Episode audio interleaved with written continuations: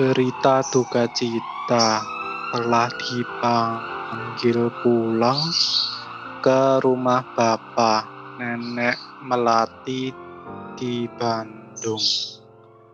Karena kondisi pandemi, kami mohon Bapak Ibu di untuk tidak berkunjung ke rumah duka.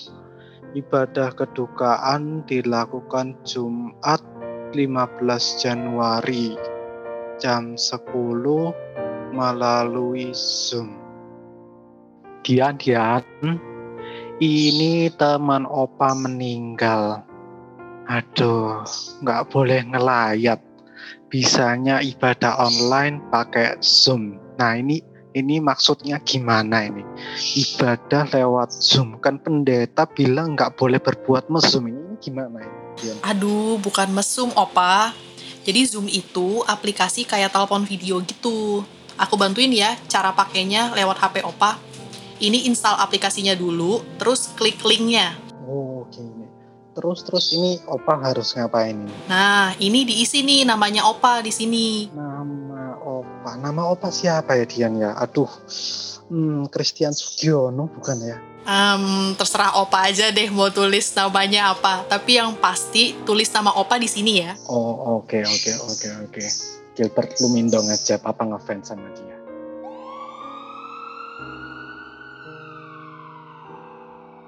Usia akan terus bertambah hingga menjadi lansia. Setiap hari ada orang yang lahir dan meninggal, khususnya di masa pandemi. Berita duka cita menjadi berita yang muncul hampir setiap hari. Juga para lansia kesulitan beradaptasi dengan teknologi. Tapi bukan berarti mereka tidak layak dilayani. Walaupun jenis pelayanan seperti ini jarang ditemui, ada juga loh Ignite People yang terjun melakukan pelayanan di bidang ini. Yuk kita dengerin sharing dari mereka.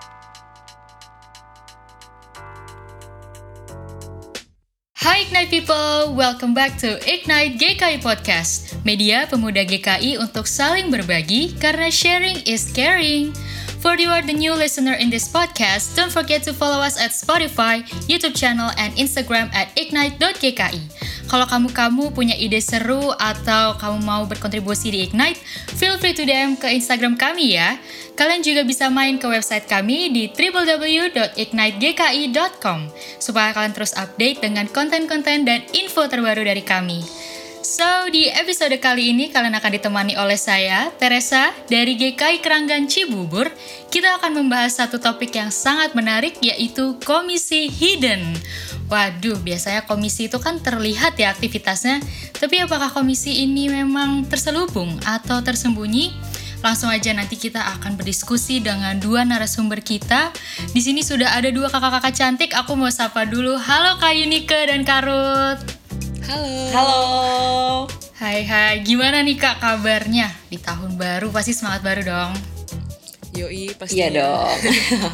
Ya, Oke, boleh nih kak, aku persilahkan kakak-kakak untuk perkenalan nih supaya Ignite People yang sedang mendengarkan bisa lebih mengenal Kak Yunika dan Karul. Dan oh iya sekalian juga kakak-kakak ini bergerak di uh, pelayanannya bergerak di komisi apa? Sekalian dikasih tahu. Oke, silakan dari Kak Yunika. Oke, perkenalkan teman-teman, nama aku Yunika Alfonsiani, biasa dipanggil Yunika. Nah, tadi udah dibilang dari gereja, dari GKI Surya Utama. Kesibukannya sekarang uh, mahasiswa, jadi udah sempat lulus kuliah, terus uh, kerja, terus sekarang kuliah lagi di STFT Jakarta. Lalu uh, kalau untuk pelayanan sekarang pelayanan uh, sebenarnya sih dari dulu di Komisi Pemuda, tapi memang sejak pandemi ini banyak bergerak di lansia gitu. Oke, Gitu, Kak. thank you Kak Yunika. Sekarang Kak Rutini, boleh Kak silakan perkenalannya? Halo teman-teman semua, uh, aku Ruth Lydia, dipanggil Ruti biasanya. Saat ini bekerja, kesibukannya uh, mostly WFH. Uh, asalnya dari gereja JPCC, Jakarta Praise Community Church, dan pelayanannya selain di media juga di bidang kedukaan, which is yang akan kita bicarakan pada hari ini. Begitu. Oke, Ya. siap-siap. Berarti ada dua kita udah reveal ya komisi hidden ini ada dua yaitu komisi lansia dan komisi kedukaan. Nah, boleh dong kak nih ceritakan awal mula ketertarikan Kak Yunika dan Karut di komisi lansia dan komisi kedukaan ini hingga masuk ke dalam pelayanannya. Boleh nih kak di share dulu. Kak, hmm, Kak Ruti deh boleh. Oke, aku duluan ya. Ya, jadi Iya, di iya. JPCC itu ada eh, divisi namanya JPCC Consolation itu yang khusus untuk ngurus kedukaan. Awal mula bisa bergabung itu sebenarnya agak tidak sengaja karena waktu itu ada satu masa di mana eh, aku baru gabung di JPCC dan nggak tahu ada pelayanan seperti ini sebelumnya. Nah, sam- eh, suatu hari itu eh, ada anggota keluarga dari date member itu anggota Komsel gitu ada yang meninggal. Terus ternyata eh, sistemnya di JPCC itu dihubungin lah ke JPCC Constellation ini.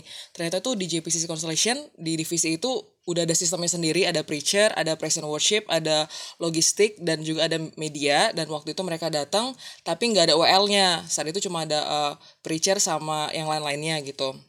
Karena aku udah maksudnya udah cukup sering WL di kampus dan di Komsel jadi waktu itu aku yang diminta untuk jadi WL-nya mereka gitu untuk ngegantiin ya udah di situ aku baru tahu ternyata ada sistemnya ada sistemnya cukup rapi gitu ada buku duka ada eh, kayak fotonya gitu udah ada disiapkan ba- bajunya harus serba rapi segala macam dan itu pertama kalinya aku jadi WL untuk kedukaan di titik itu sih waktu pengalaman saya itu ngerasanya kayak experience-nya beda dengan jadi WL ibadah biasanya gitu. Kalau WL ibadah biasanya mungkin eh, karena di JPCC mungkin cukup rame, jadi eh, jarak antara mimbar ke jemaat kan agak jauh gitu ya. Jadi mungkin nggak bisa terlalu ngeliat orang yang kita layani misalnya ketika bernyanyi. Tapi kalau dalam suasana ibadah kedukaan itu kesannya jadi lebih intimate, jadi lebih lebih personal aja sih nge- ngerasa ketika bernyanyi dan eh, bagi jemaat atau bagi keluarga yang berduka kayaknya itu apa yang aku nyanyiin itu tuh bisa menyentuh mereka secara personal juga. Jadi experience itu sih yang pertama yang beda kayak gitu. Yang yang pada akhirnya membuat aku jadi semakin kepo sama si pelayanan ini dan sampai sekarang akhirnya bergabung di pelayanan ini. Kayak gitu sih kira-kira Wah, jadi awalnya dari jadi WL ya kak ya? Iya WL pengganti akhirnya jadi WL WL beneran Iya WL magang jadi official ya. yoi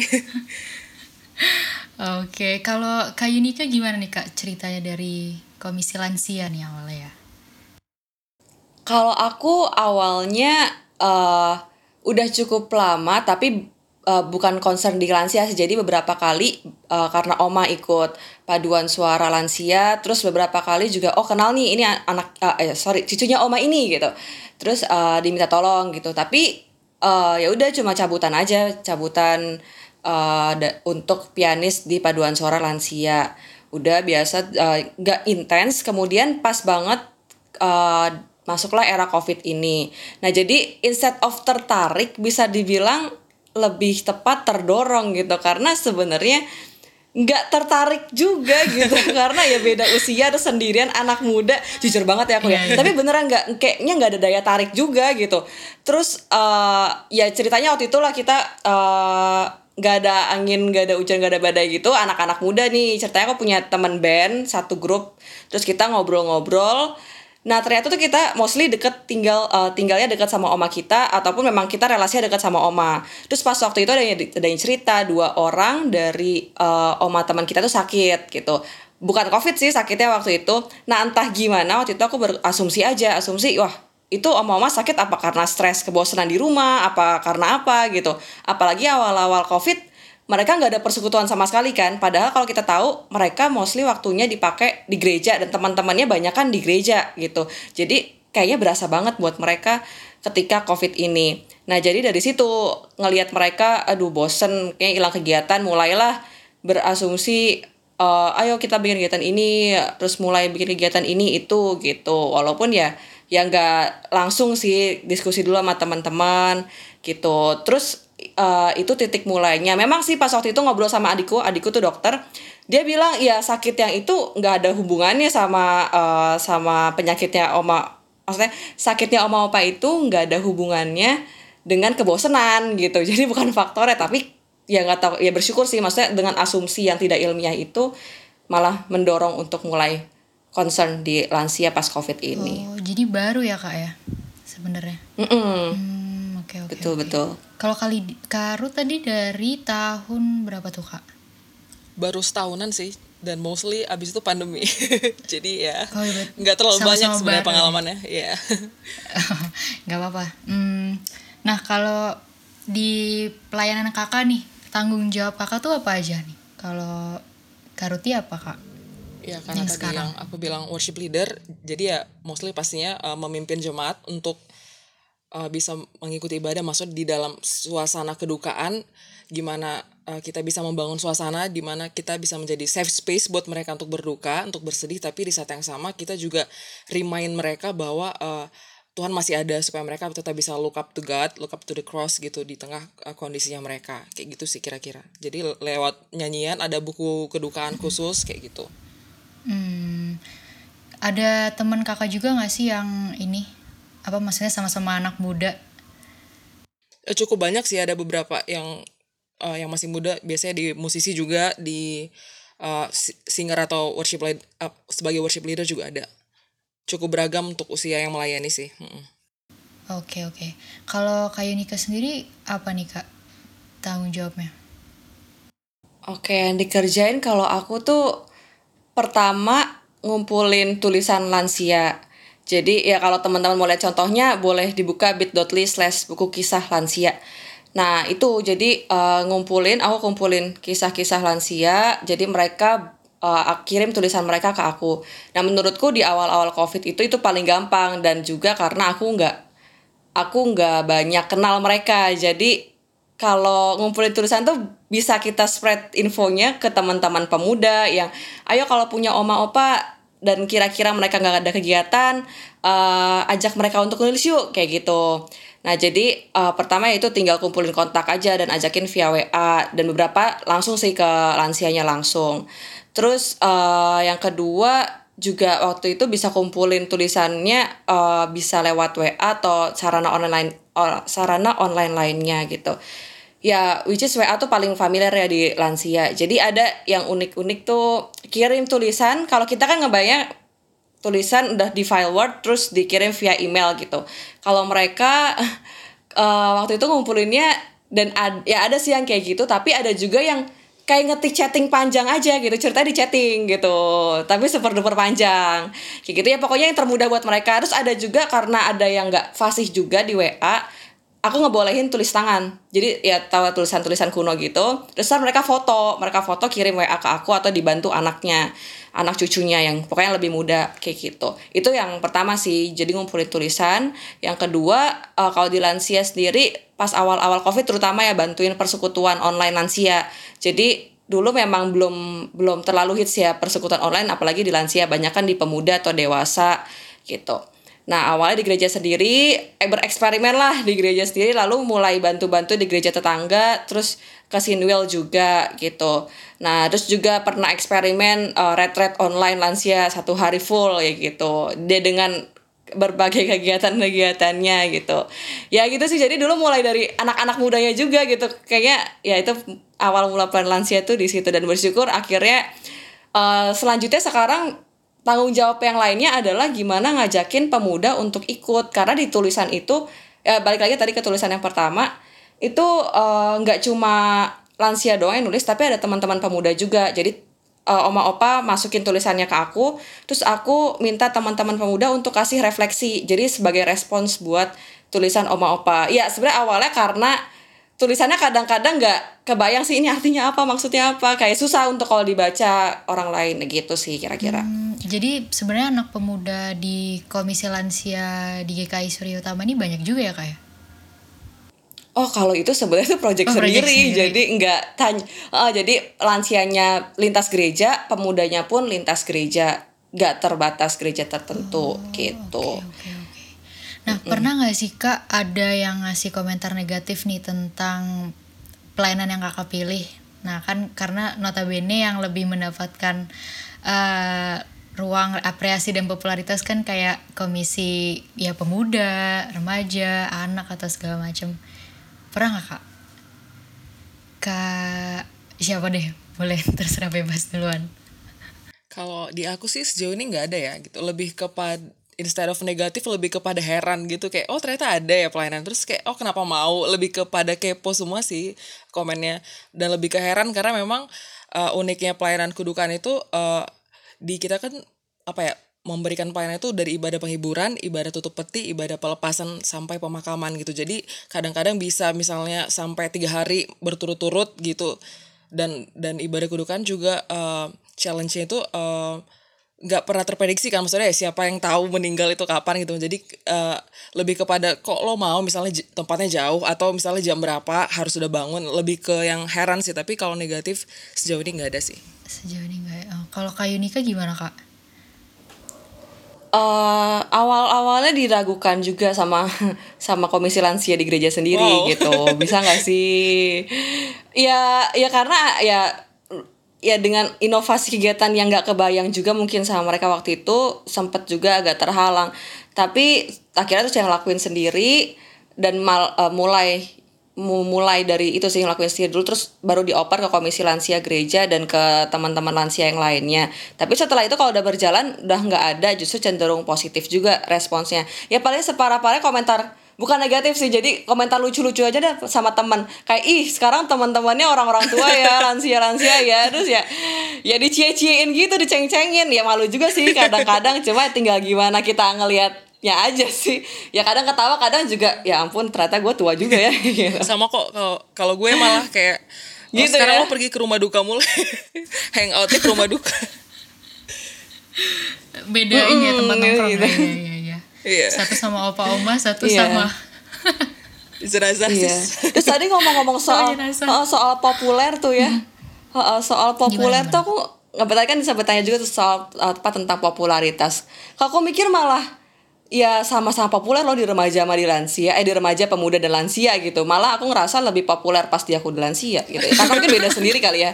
Beda sendiri lebih usianya. juga jadi terus gampang dikenal iya dan ya gitu deh didoain terus ya popularitasnya dalam arti yang bener, berbeda bener, gitu bener, ya bener. itu lucu sih iya ya oke okay. mm -hmm. um, ini uh, lanjut ya kak ya boleh dong kak ceritain suka dukanya pelayanan di komisi kedukaan dan lansia nih kak karena yang mungkin kita pahamin kan dalam kondisi eh dalam komisi kedukaan biasanya mood orang kan sedih terus ya berkabung lah gitu nggak ada tapi kalau di JPCC mungkin beda ya nah begitupun di komisi lansia kan biasanya punya keunikan karakter masing-masing ya tau lah ya kak kalau misalkan opa oma kan orang bilang kalau orang makin tua semakin kayak bayi itu gimana tuh kak Kak Yunika dulu deh, boleh.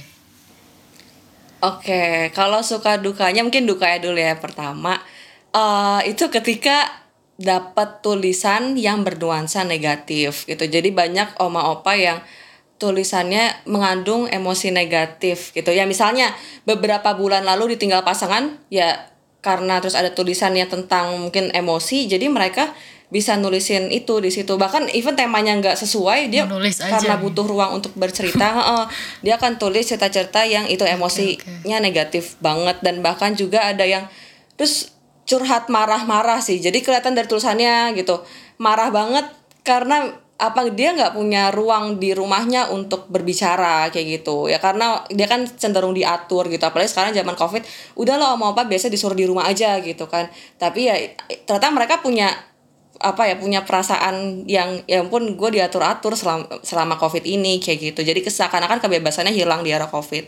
Terus juga uh, ya dukanya ya kadang-kadang banyak chat-chat yang tidak dimengerti gitu. Bahasa mereka beda nggak tahu kenapa. Ya itu duka duka yang tantangan sih duka yang menantang gitu.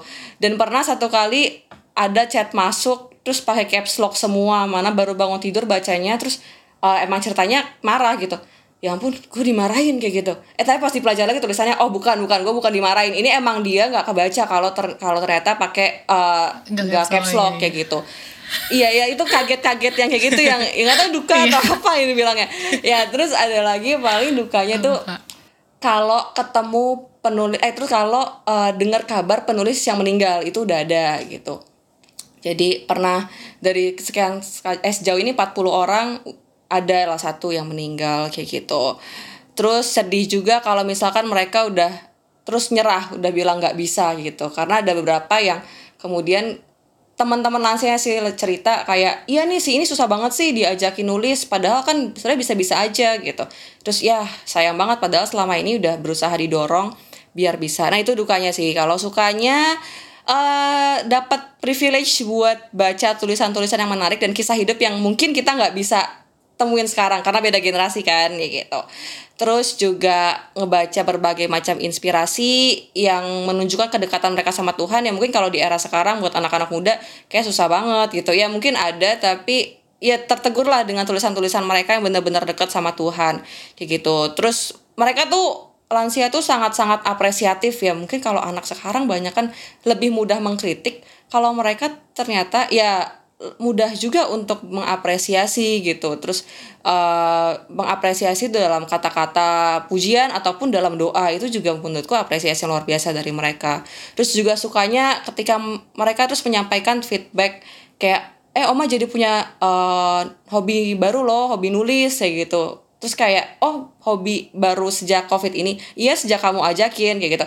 Terus yang kayak wow tersentuh banget gitu. Terus ya ketika mereka juga pernah menyampaikan men baru di titik sekarang ini menemukan kelebihan mereka gitu. Ternyata gue bisa nulis ya kayak gitu. Dan jadi punya harapan hidup.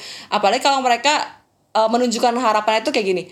Misalnya uh, bulan ini belum keluar keluar nih tulisannya biasalah karena kuliah terus suka skip gitu kan.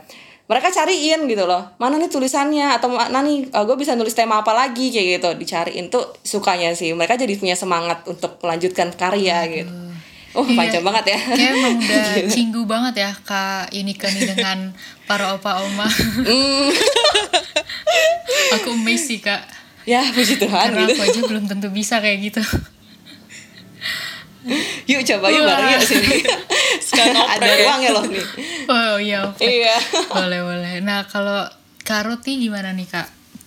Suka dukanya? Uh, dari sukanya dulu kali ya. Bagian Boleh. sukanya mungkin pertama jadi tahu database berbagai rumah duka ya sih. Sebelumnya saya tidak tahu. berbagai tempat gitu punya yeah, iya. privilege ke rumah duka, ke rumah sakit, tempat pemakaman. Kayaknya kalau nggak gabung JPCC Constellation nggak akan pernah ke San Diego Hills gitu. Wah, jadi biar bisa kasih info ya kan? Ya. Yoi.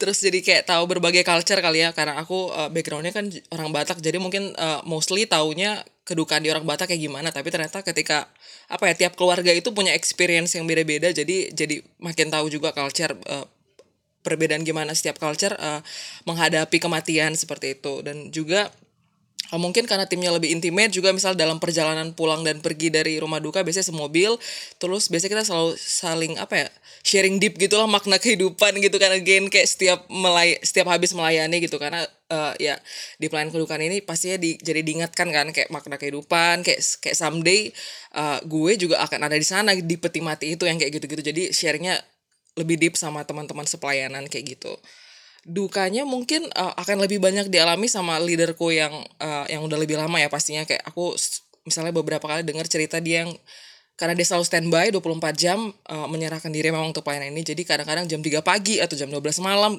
bisa dihubungin sama orang gitu kan. Ada orang yang misalnya benar-benar clueless papanya meninggal dan nggak tahu harus kayak gimana dia pernah harus ngurusin misalnya bantu kirim jenazah keluar kota terus juga to the point pernah mandiin jenazah itu pernah gitu kayak ya leader kayaknya udah lebih inilah uh, dukanya gitu di aku sendiri paling kayak hmm, yang kayak aku bilang tadi misalnya kadang rumah duka itu bisa jauh banget dari kosan kayak gitu atau pernah paling pagi itu jam 4 pagi karena ibadah uh, penghiburannya ada jam 5 pagi yang kayak gitu-gitu.